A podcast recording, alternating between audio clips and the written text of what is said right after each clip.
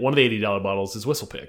Oh, I didn't know what it was. Never had it before. oh, it's still there. That's unusual. That's one that usually goes away. Ooh, okay. Yeah. So what's fun about that was we all looked at the bottle. Oh, None of us had ever purchased it, and we were like, "What the fuck is this piggly wiggly ass drawing on this bottle?" And all of us were like, "No, no, definitely not that bottle." It ain't no easy thing to do, but watch this.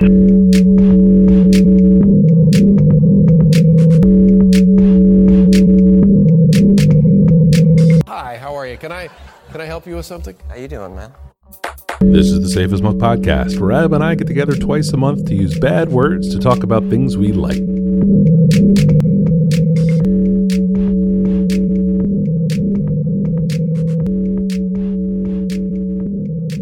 But Having an old. oh, oh, have- give it. Oh, Do you- I do it. Wait, is it my edit again? God damn it! It's my edit. Oh, oh, then yeah. Crosstalk Yeah. time is on. Start- start coughing Gobble, gobble, gobble, gobble. Yeah, perfect. It's like half of them. oh, just just half. Oh, I am enjoying an old timey cocktail called a Tom Collins. Have you ever had a Tom Collins? It's in the gin family of cocktails. I don't know that I have. Hmm. Well, let me tell you a story about a Tom Collins. Pretty simple. Uh, it is gin, uh, three parts gin, two parts freshly squeezed lemon juice. Uh, I used a whole smallish lemon, uh, one part simple syrup, and then uh, you fill the rest of the glass with uh, soda water, carbonated water to taste. Nice. Uh, you make it in the glass, you give it a stir, and you top it off uh, with soda water. Uh, shockingly refreshing. Uh, traditionally, it's garnished with a lemon and a maraschino cherry, but I did not do that.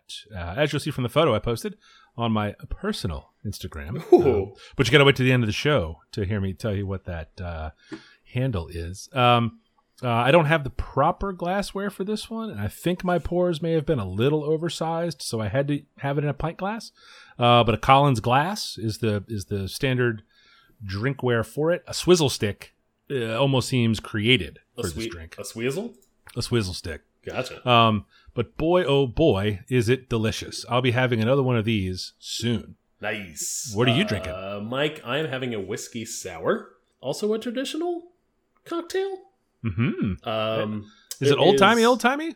I don't know how old timey it is. Actually, you know Yeah. what it is. I was looking up uh, some classic cocktails Mm. uh, today to decide what I wanted to make. Yeah. Uh, I happen to have I have come into a bunch of bottles of bourbon from a bourbon tasting I hosted uh, at my home last, last Oh, Jesus Friday. It was a lot of fun.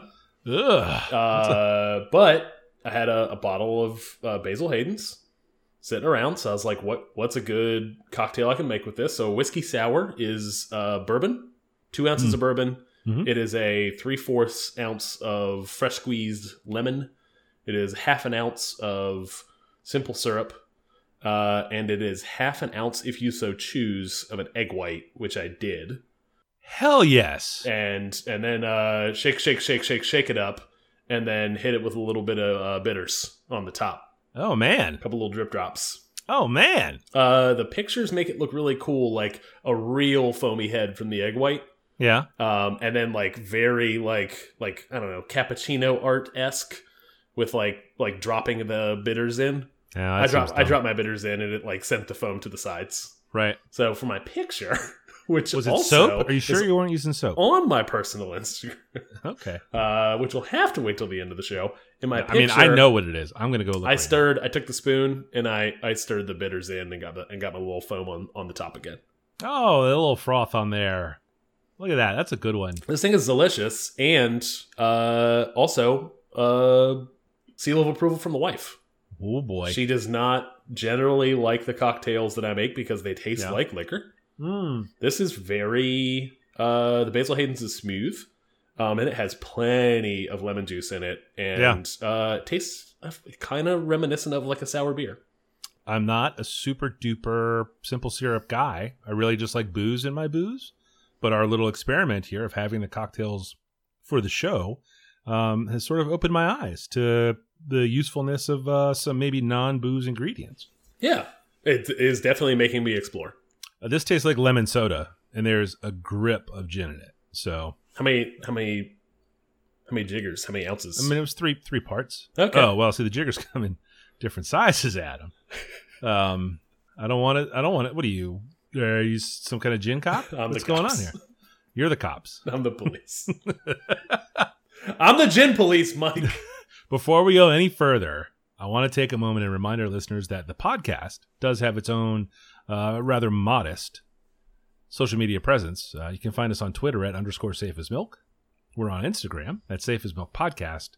And show notes for this episode and all of our episodes can be found at safeasmilk.fireside.fm. Uh, follow up's looking a little thick. Uh, two C's this week. Uh, do you want to start? Sure, uh, I'll go for them fast. Um, Harry Potter and the Half Blood Prince, Book Six. Continue to listen to the audiobooks with the family. Uh, we took a trip up to Pittsburgh this past week and wrapped up Book Six. It was very good. Uh, I would argue one of the best in the series so far. And then what we do after we listen to the books is we rewatch the movies because the kids have seen the kids and I have seen all of them. Generally, reading the books and then watching the movies sheds a very harsh light on the movies. Movies are not great in my mind in terms of adaptation. This is probably the best so far. Took six of them. Um, this one is actually not terrible. The second is Hello from the Magic Tavern, a podcast we have talked about here previously. It's an improv podcast uh, in a fantasy world. Lots of guest comedians and improv uh, folks that, that jump on. Season three, episode one, uh, just kicked off last week. Uh, Justin McElroy, one of the McElroy brothers of MBMBaM, is the first guest. Are you ever going to write him to tell him that you're his boyfriend? And he's your boyfriend? Guess what? Boyfriends Guess what, Mike? I've been to a live show. Lots of boyfriends and girlfriends out there of the McElroys that Right. they don't know about. Lots of secret ones. They don't need to know about me. Why not? I think they might be into it. Yeah. You're a handsome man. You make good Yeah. cocktails. Yeah. You got a lot of. You're a catch. A lot of, lot of, lot of fish in the sea for those boys. Oh, A lot of young people who went to that live, live podcast. Guess what? I'm not young, Mike. well, it has been a little while since you were young. It has. Hmm. Uh, Behind the Magic Tavern also pitched that. That's a a podcast between season two and three. That is essentially the three host and the producer of the show talking about the making of the first episode and where all the show came from. Now, have you been listening to this thing steady since Oh, no, S1 E1? Okay, good. Oh no no no no! No, but that McElroy magic had drew I, you in. I saw the tweet uh, and went, oh, I'll go back and listen to that. And it was great. I listened to episode two yesterday of season three. There are 100 episodes per season. Jesus, Like, they've been they've been doing it. I'm not hitting that back catalog. no, no. Man, Uh, finally, good for them. Overwatch video game I've talked about previously. It was a 20, apparently I went looked. Apparently, it was a 2016 pick of the year for me in our podcast. wow, nerd. Um, it's a great game. Super nerdy. uh, uh, the uh, I I up in up in Pittsburgh. This is gonna be a theme. Um, up, up in Pittsburgh, uh, found out found out uh, uh, in the house we were staying at that Overwatch was a thing that gets played, um, and kind of brought me back in. Uh, they have released probably five or six characters since I last played the game, so I have been dipping my toes back in the Overwatch pool. Just your Um, toes, huh? just my toes. Uh, Okay. there are lots of other games coming out that I will probably want to you know, save myself for. Mike, yes. what follow ups you got? Uh, two items. First, uh, Lizzo, who I mentioned here on the podcast a few episodes back. Uh, still uh, an absolute banger of a summer listen. Um, and that's a four season album. I don't think that's just really summertime jams, but I'm glad I've had it here for this summer. Uh, I had a Tiny Desk concert. You know, the little NPR series where they get them in working in a small space in a small room with not too many people. You familiar with? Yes. Oh yeah, they're great. Yeah, they are uh, generally very good if you enjoy the artist, and hers was uh, no exception. Uh, fun and charming and funny, and uh, boy, oh boy, can she really, really sing and really, really play the flute. Oh yeah, I watched I watched this before we uh, recorded tonight, and it is just just jam packed full of energy. Like it is, Yeah. it is a fun watch. Yeah. Um, made me like her more, which was hard to do because I already like her music a lot. And I would argue top top five Tiny Desk. Uh, I don't think I've seen enough to rank them. I've usually I'd only watch I only usually watch the artists that I like, like rappers. Yeah, But they What? there's been When a lot did- of good that- ones. what? Um, and this is on that list for sure of good ones. Uh, you had mentioned last episode in talking about No Country for Old Men that a most recent uh, a recent episode of the Rewatchables podcast, which is in the Ringer Network, uh, had Bill Hader on as a de- as a guest to talk about the film. Uh, I gave that a listen. It was very good. Uh, it was kind of it didn't appear as though he was familiar with the format of the show, so that was kind of funny listening to him try to talk about stuff and like no no no not yet not yet. What's wild about that is uh, I've never listened to rewatchables until that one, so I had no clue. Oh yeah, yeah, yeah. No, I uh for if there's a movie that you have seen and enjoyed or a movie that you've seen a bunch like from when you were young, that one is uh that's a that's a really good one. I listened to the Reservoir Dogs one. That one that one was getting discussed in the Slack today, and I like I that movie. Saw it. I know. I've seen the movie a lot. Yeah, it was fun listening to them talk about it because they had all seen it contemporaneous with its release, either on film or on video. I mean, nobody saw it in the movies, but uh, it was it was interesting to hear, you know, people that were excited about it when the first time they saw it, which was when it was new, sort of remember back and talk about it. But yeah, uh, it's a good one if you like uh, No Country for Old Men. Uh, it was funny how much of that movie I'm unfamiliar with. I should give it a watch, but uh, as I mentioned last time, um, I'll have to find time by myself in the house with it nearby because Michelle won't watch it. Yep, I get that.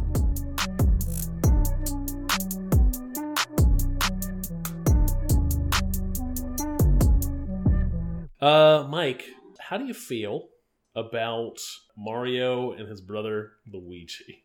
Um, I mean, mostly sexual. oh, okay. um, uh, obviously, childhood touchstone. Uh, you know, the Nintendo Entertainment System. Do you ever a- play? Did you ever play any of the 3D ones? Uh, yeah, yeah. Uh, Mario sixty four for sure. And then uh, was that the first of the 3D entries? Yes, it was. Yeah, played that one. And I want to say I played some Super Mario World early, like on. Mm, I don't know what I would have had it on though, because I didn't play it on the Wii. So that might have been the only one. Huh. Uh, well, my first pick this week, Mike, is Mario Maker 2, which is the newest entry in the uh, Mario oeuvre series. All the Mario games, there's lots of them. I talked about Mario Maker 1 back in 2016, if you can imagine, on episode 23 of the show. This is a this is a game that I enjoy so much that I didn't want to make it a follow up. Actually, I wanted to kind of talk talk a little longer about it. Um, Mario Maker is a a game where you can essentially create your own Mario levels, all 2D. So there's no there may be 3D graphics, uh, but there is no 3D platforming. It is all your traditional uh, Mario. Is generally as simple as you know left, right, up, down, and you know your A's and your B's to jump and to run fast. Yeah. to shoot your fireballs. Yeah, you can't Um, run. I mean, it's all it's all 2D, isn't it? You can't like take a left. No, right? no, no. Yeah. Yeah. Okay, good. Um, but it's a, I- it's, a, it's a side scroller, right? It's Yeah, a yeah, yeah. Side scroller. If you've played the original Mario, Yeah, you will feel right at home picking up Mario and Super 2. Mario and all the Super Mario. Oh yeah, yeah. And what's great about these is they allow you to essentially make levels with all of the different parts and pieces that you're familiar with from playing Mario games. You're and then essentially place whatever creation you have, whatever level you have generated, place it into uh, the classic Mario graphics kind of packages. So like the original Super Mario Brothers for the NES, Super Mario Three, uh, Super Mario. Oh, really? Yeah. So you can essentially package up whatever you make. You can actually trans. It's actually really cool. Um, when you transition it when you're in kind of maker mode, it actually like does like a probably a, raw, a terrible reference, like a, a shitty PowerPoint transition. uh, like where it kind of like it tiles its way down from the top. But in this case, it looks really cool because it's essentially replacing the graphics from you know the 80s Yeah. with something from the 90s uh, kind of deal as it rolls over, and it has essentially the same concepts uh, visually uh, presented in a different way. Um, in any case, it's a game that is primarily the loop is making levels and then playing other people's levels. So you, you can go online and they kind of curate through a rating system the best user created levels, um, and you could spend all of your time doing both of those things. This Huh. one is an iteration mostly. Uh, I think the biggest upgrade is that it's on the Switch, which is a fantastic system. You and I both own one. Yep. Uh, I owned a Wii U, oddly enough, because I was the right moment in time for my kids that they weren't going to play a, a PlayStation or a, an Xbox. Right. So we bought a Wii U, but Mario Maker was kind of the star of that system. I was going to say this was the game, right, that made the Wii U a smart purchase instead of Yes. just an expensive Wii. Yeah. Yes. Well, outs- outside of that, and Breath of the Wild also came out on Wii U, Mm, which meant I didn't have to buy a Switch whenever the Switch first came out to play Right. that game. Right. Um, in any case, this is a lot of the same from the first game a little bit more uh, they do a better job online of curating the levels to find kind of the the cream of the crop of user created stuff. Um, you can play your friends levels so you and i have some mutual friends and we've been sharing levels and playing each other's levels um, which has been a fun time. Uh, and this time they actually offer a story mode um, which is actually 100 levels um, and not a not a great story but you know frankly mario's mario games don't really tell that much of a story. It's 100 you, it's so, 100 Nintendo created levels. So there's there is a story mode. Okay. Yeah. So you could you could there there were 100 levels to you, for you to play through without ever having to make a thing or play online. Um, although I'd argue that you'd be missing a lot of the real fun related to the game. I bought this game. Oh. Yeah. When? Yeah. Uh, the weekend after it came out. So oh wow. Two weeks ago, three weeks ago. Do you spend time with it? Uh, I did. I did. I, I, uh, I, I, because it's only on the one TV, so we just have the one TV. So I got to make sure. Like I called it basically, like, hey, on Thursday night, I'm gonna need the TV for Mario Maker, please, kind of deal. Yeah. Um, and uh, because I bought it at work, but because my Switch wasn't turned on, it didn't download. Mmm. So I was like, ugh, all right. Well, I queued the download.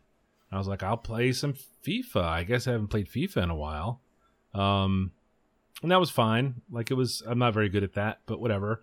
But apparently, FIFA spends a lot of time talking to the internet through the EA interface. Ooh, so just slow down the download. It cancels it. It pauses the Oh. download until you go back and turn it on. So I played a whole FIFA match, however the fuck long that takes, and then just basically sat there to watch the thing download, which was great fun.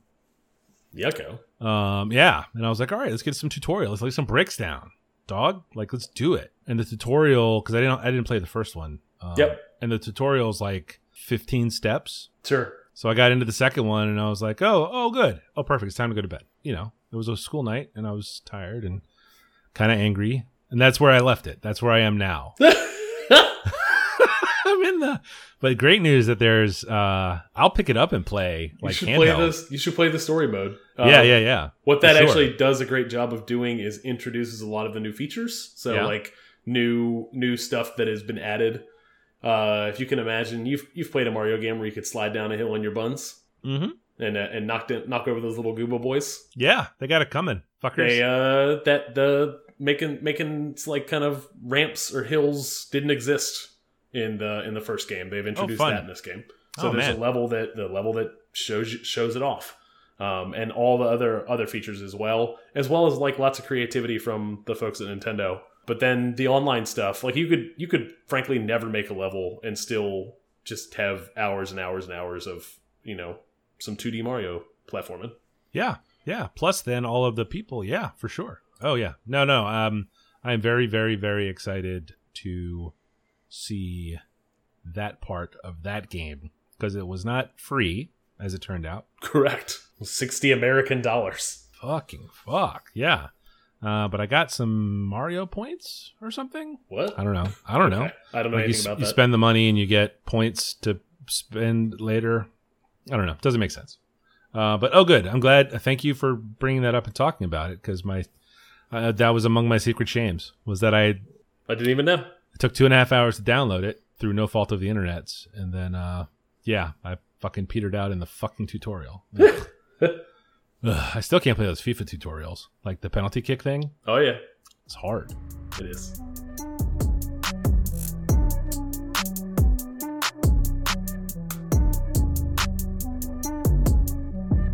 Well, number one this week is a movie I saw this weekend. It opened, in fact, this weekend. Uh, it is the new Quentin Tarantino directed, written and directed film Once Upon a Time in Hollywood, starring Brad Pitt, Margot Robbie, and Leonardo DiCaprio. Um, and seemingly a handful of like Hollywood kids, like Bruce Willis's kid, Rumer Willis is in it, and um, Harley Quinn Smith, Kevin Smith's kid is in it, and uh, it looked like there were a couple of other familiar names, but none that I was willing to do some heavy googling on. Those are Sure. two I know for sure. Um, did you get a chance to see this movie? I I know did. you were out of town. No, no, and this is not the kind of movie I would see in the theater. This is I, I have seen the trailer for this thing two or three times, hmm uh, and frankly had forgotten that it was coming out Ah, until you posted it. Um, Mm. It is something I want to see. It is something that there is literally no one else in my house that would go watch this with me. oh really? Um, so this is a movie I will watch uh, on my own or uh, trick my wife into watching uh, on a Friday night so she could fall asleep during. Yeah, I was gonna say all you gotta do is start it. the Yeah. trick there, the trick there is getting it started. I just have to get downstairs before uh, if she's putting the kids to bed and so am I. Like I just have to get downstairs first. Just put it on up. whatever I'm gonna watch. Yep. Um, as we talked about in the follow up section of the film, I'm was a big Reservoir Dogs fan, which is the Quentin Tarantino debut feature. Um, uh, obviously, massive Pulp Fiction fan. Uh, Jackie Brown, same way. Um, I did not enjoy the Kill Bill films. Uh, well, the one I saw, yeah, I only saw the first one, and it wasn't really for me. Um, skipped the second one there. Skipped Inglourious Basterds just because it wasn't. I didn't think that was going to be my jam either Huh? after the whole Kill Bill fiasco. Um, ended up seeing The Hateful Eight. Never saw that one. Not good. Um, and just, you know, there's violence in his movies and it's gore. Yep. Um, and it's gratuitous. Like it's uh, got a very pulpy feel to it in like a uh, Troma sort of way. You ever watch the Troma movies? no, I have not actually. Oh, the Toxic Avenger. Um, just really kind of over the top in the blood and the gore. Um, um, and the Hateful Eight just seemed to do that to eleven. Like it was just, it just seemed relentless. It was way too long. Um, yada yada yada. Uh, I skipped Django Unchained uh, for a lot of reasons. Um, That was a good movie actually. I enjoyed it. uh, you know, I've seen like two or three scenes out of it, but again, it's the kind of thing Michelle's Michelle's not going to watch it, so I got to find time uh, on my own. And if I have to already watch No Country for Old Men, uh, that would be a pretty good double feature, though. I bet. Ooh. All right, now now now there's a plan. Um, uh, but this I was quite excited about. It was a period piece, but not a historical period piece. Um, and the players, uh, speaking specifically of Brad Pitt and Margot Robbie, are uh, people that I enjoy watching. Right, like I like watching Brad Pitt act a lot. I like movies that he's in. I just think he's cool. Um, that goes double for Margot Robbie. Holy smokes! Um, are you familiar with her work? Uh, I'm trying to think of. So she was in the obviously in that like she played. Speaking of, uh, yeah, she played Quinns, the Harley Quinn. Harley yeah. Quinns. Yeah. Yep. What what else is uh? Tell me tell me like the big the big movie I should know. So she was the wife in The Wolf of Wall Street. Never saw. Yeah, yeah. So uh, you would. Uh, that's worth googling. she is, uh, as they say, uh, just really great um, at her job. I'm not a super Leonardo DiCaprio fan, but there was enough good in this movie to sort of more than make up for that. Um, this is the part where I bring up Margot Robbie again. Seems like I'm talking about her a lot, so I'll stop. But I don't want you to forget that she's in this movie. I won't forget. Um, uh, the movie's it's cool. Like Quentin Tarantino makes cool movies. Like even Hateful Eight, as uh, just over the top gross as it was, was it was cool, right? Like the people in it are cool. Um, I don't know that this one is great film necessarily, but the but the movie was was cool as shit. Part of that's the setting, set in 1960s LA, uh, which has a very cool looking sound. Like it was just it was just all part of being cool. Yeah. Um, uh, speaking of the sound, Paul Revere and the Raiders is a band from the '60s. Not is that zero chance you've heard of this band, right? No, absolutely not. They were a post Beatles uh, sort of knockoff British invasion band. They weren't British, but uh, as was the fashion at the time, American bands would put on airs as though they were perhaps from Britain to help sell records. Um, these guys made really, really good pop songs. They were actually ended up being pretty popular. My father was a huge fan. Um, you know, I've got a ton of records from when they purged their record collection, um, and that was really fun for me to see that they were heavily featured. Um, uh, it's funny that nobody in your house would see this movie. Everybody in our house saw this movie. Uh, Michelle and I were hyped for it because of um, uh, we all we all had our reasons. Um, hers was probably Brad Pitt and Leonardo DiCaprio. Um, mine was uh, gosh, what was her name? It was it's still Margot Robbie. Um, oldest is obviously a big Leonardo DiCaprio fan, and the youngest just wanted to come to the movies. You know, she's 15. It's a little above her uh, fighting weight, but she was going to go for it. Um, uh, the violence was rough. uh, it really, uh, hmm, I don't want to spoil it too terribly much. Um, uh, where in the Hateful Eight, it just seemed to be constantly, you know, every 10 minutes there was something just genuinely gross happening on the screen. That's not the case here. It's fairly contained in one part of the film. Um, uh, but boy, oh boy, it is rough. Goes on about 30 more seconds than you'd want it to and introduces a couple of uh, top five ways not to die, I think, probably. Oh. Like Oh. these are these are ways I would definitely not want to go out. Uh, the youngest, we we gave her a heads up on potential subject matter. Gave her a heads up on. Um, Is that know, because of uh, your your experience with Quentin Tarantino films? Yes. Or okay. Yes, yes, and it's set in uh, specifically 1969 L.A. and it's sort of around uh, the Sharon Tate murders, Charles Manson, Okay. Yeah. the Manson family. Um, uh, she she'll cover up for violence if, the, if it's real bad. She'll just she'll just cover up. Um, I think the movie in general wasn't her kind of thing. It's a pretty slow roller on the front end of it because it's almost two and a half hours long. Um, he likes his dialogue. he likes his dialogue. He does. He does. And uh, it's just shot. It's just so pretty. You know, it's just, it's just, it just looks so damn good. Uh, older kid was super into it. Obviously, she's, um, she's not mad at gore. Uh, yeah, I don't know where she gets that. It's weird. Um, but uh, yeah, yeah, this was a uh, Michelle stayed awake for the whole thing, which is not Very you know that's you know, well the the Hollywood the theater sleeping is really more about action movies. She just gets kind of bored and dozes. Um, but this was uh, yeah, Once Upon a Time in Hollywood is uh was a really cool movie. Definitely on my list.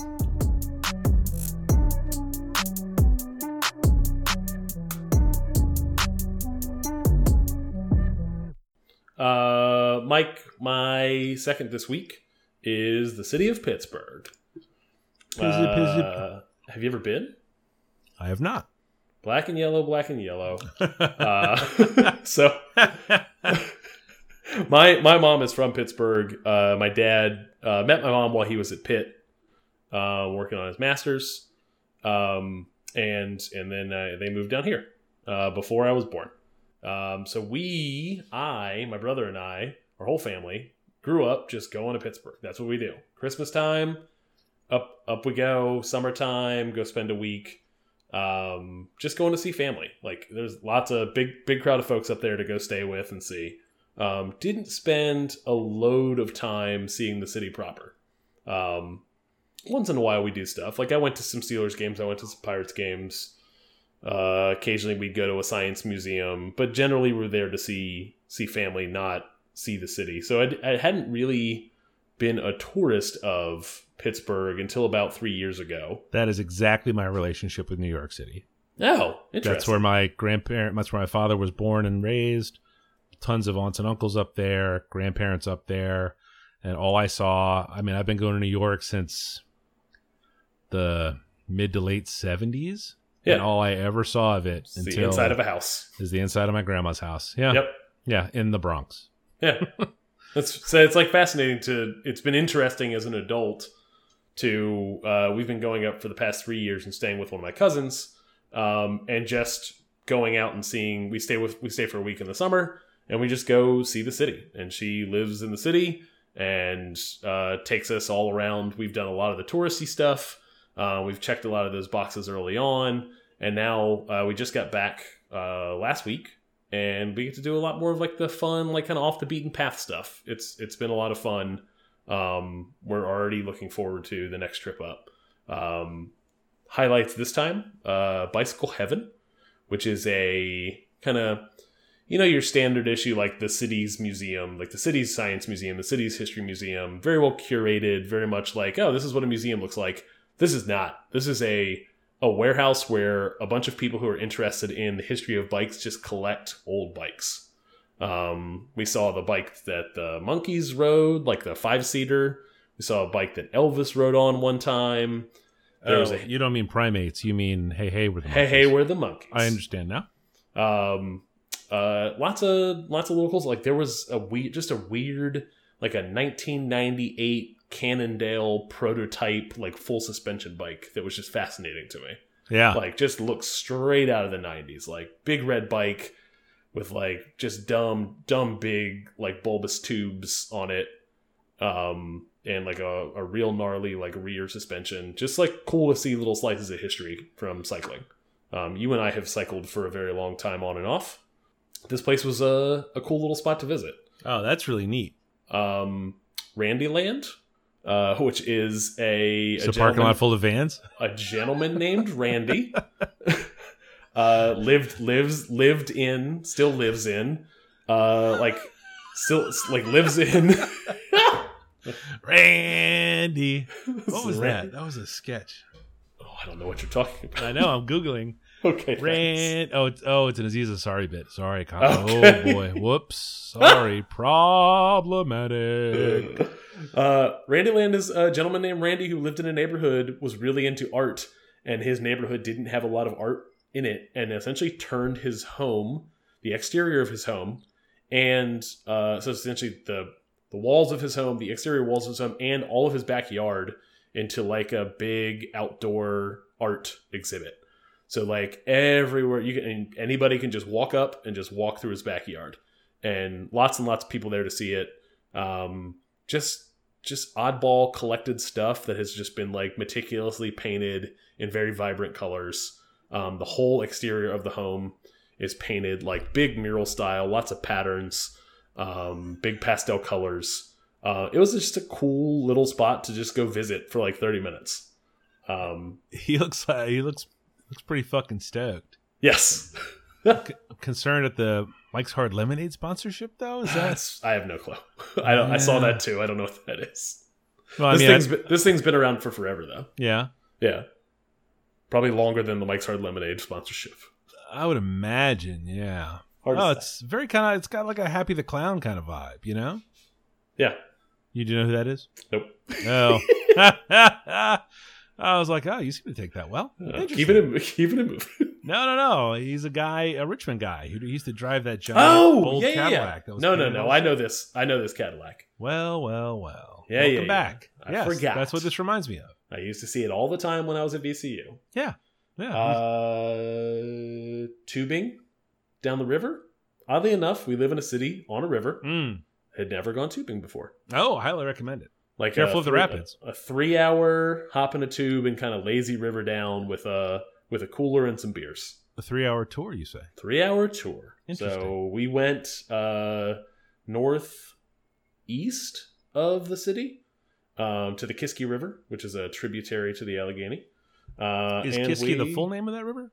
No, it is Hmm. the Kiski Min Minitas Minitas I River. don't know what it is either. I just Also, everyone there just referred to it as the Kiski. heading on down to the Kiski. Uh, the Kiski was fun. We we tubed. Uh, we caught some great weather. Uh, tubed for three hours. Uh, hit back some beers, and then we were in Pennsylvania, which is essentially all of the area between Philadelphia and um Pittsburgh. Oh yeah. All right. Um, and uh, just yeah. That is. go look at how go look at the 2016 Oh, I'm election sure it's very accurate. Yes. I just, uh, uh, we, we hit up a, a new we one. hit I up, hadn't heard we hit up a diner, like hit up a diner out out out that way, and uh, just just stuffed stuffed elk, stuffed moose on the wall. Um, basement basement bar, which is like smoking in the bar, just went down, just clouds of smoke. It was great. I know, right? It's, yes, some places it's still 1992. yes, Yeah. Yeah. um, uh, and, and that was kind of our, That's good. Lots of lots of little breweries. Hmm. Uh, we hit we went and did a brewery hop one night. Uh, Dancing Gnome, which I had always wanted to go to, I got a chance to visit. Um, which is whenever I went up last year, and I think I talked about this in the podcast. When I went up to Voodoo in Meadville, Pennsylvania for the festival, all of the brewers flew into Pittsburgh from all over the country, and they stopped at Dancing Gnome and then drove up to Meadville. Um, it is very much a, a, a hazy IPA. Uh, Veil or a triple crossing would be a great um, uh, uh, uh, sample from Richmond to represent kind of beers that they produce. Uh, it was a fun trip. Uh, and then finally, something we didn't do this year, but while I'm here pitching Pittsburgh, PNC Park and Heinz Field, where the Pittsburgh Pirates and the Pittsburgh Steelers play. Um, man, great place to watch a a live sport event. Um, they have fantastic views of the rivers in Pittsburgh and fantastic views of the city. I know you're a baseballman, a baseball fan. Big time, yeah. Uh, if you're ever gonna go up to, if you ever have the desire to like do a long weekend in Pittsburgh and like do it around baseball, like find a time when the Mets are Yeah. are potentially playing the Pirates and go see that stadium. It's fun. Yeah. I don't know. I've only heard good things about it as a place to go see a game. It's supposed to be a, a fun one. Uh, yeah, that's it. Pittsburgh. I love it. It's in my Oh, heart. It's in my blood. Oh man. Oh man, black and yellow, black and yellow.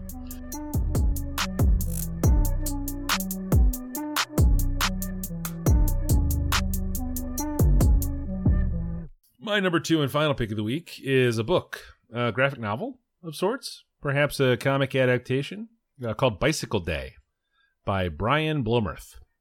Uh, came out just this year, 2019, a few weeks ago, in fact. Uh, Bicycle Day, if you're not 100% familiar, uh, is April 19th and it celebrates the anniversary of the first acid trip by Swiss chemist Albert Hofmann. So is it? Sorry, it's not. Is it his first acid trip or the first acid trip by a human? What are we? What The are first, the first acid trip ever.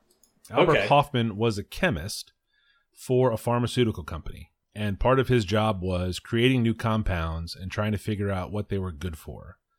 The compound, known now as LSD, uh, was just a, a vial with a number on it on the shelf. Um, didn't work. He had tried to test it on some mice, and they didn't seem to do anything. So, you know, on to the next one. And uh, uh, as the story goes, the budget tightened up. His boss came in and said, "Go back through everything you made and really figure out what's what." There was, um, according to his diaries, which are uh, well known in the psychedelic community, um, there was a ventilation problem in the lab one day when he got to retesting this particular compound Yeah. and uh, got a little bit in the air. So he got woozy and went home. And then uh, kind of freaking out a little bit because things started looking weird. And then he was like, you know what? I, you know, uh, work through all the variables. And he was like, I think it's this. I think it's this stuff. So, like any good chemist, uh, the next day he went in and created a solution uh, of this chemical in some water and drank it himself. And uh, his world obviously came apart. Um, he, you know, it was like a quarter of a milliliter or something was the dose he set for himself because he was like, that's not much and it won't do much. Um, and it turns out that that's a an excessive amount. Um, his wife was out of town with their children. Uh, he rides his bicycle home, um, which is why they call it Bicycle Day on the 19th of April. And uh, uh, just fucking completely loses his mind. Uh, not in a bad way, in all the positive ways that you do when you take LSD. And uh, he was like, "Uh oh, this could be what this is for." And then uh, this ties loosely into that book I read, the Michael Pollan book about the um, Yeah. psychedelics oh yeah, I remember that. a little while back. So this is this is what really started the use, uh, trying to find a use for this medicine in psychiatry, which was itself a fairly new science at the time. Um, simple story. Um, uh, you know, the words in this particular book are very matter of fact, but the drawings in it are way out. Um, the caricatures of the main players, uh, the scientist, his assistant, the scientist's wife, the children, his boss, they're all like anthropomorph- anthropomorphic dogs, I guess is it. probably what you'd call them. Yeah. Um, and then as uh, the LSD starts to take effect, uh, the illustrations get uh, completely uh, psychedelic and kind of edge towards psychotic a couple different times when he uh, starts to freak out a little bit. But then once he kind of gets along for the ride, um, uh, it's I'm not sure who published it actually. Um, I just bought it on Amazon. That's where I, I thought this would be. I thought this was published overseas and would be difficult to get here in the states. So, I, you know, I was uh, kind of worried about it when it was coming that I wouldn't be able to get my hands on it because I've had some trouble sometimes getting stuff. Sure. Um, but there was an ISBN number, so I just punched that into Google and it sent me to Amazon. So I just pre-ordered it. It's a real quick read, maybe 20 minutes um, to get through all the words. You could spend hours looking, at the illustrations. pictures. Yeah. Mhm. For sure, for sure. Um, Uh, it is terrific. Who did publish this? Anthology Editions. I don't know who that was, um, but you can just buy it in bookstores. I, I know my my local comic shop has several copies. Um, but I don't. Uh, is this something you heard of or heard about? I haven't been talking about it. I have not heard of heard of the book and had never heard of Bicycle Day. Yeah, yes. Um, I kind of been keeping this one under my hat. I'm very, I was very enthusiastic about its purchase and very enthusiastic about getting it to read it. Um, but I wanted to save it for the show. Nice. Yeah. Uh, but Brian Blommerth's uh, Bicycle Day is my number two. Nice.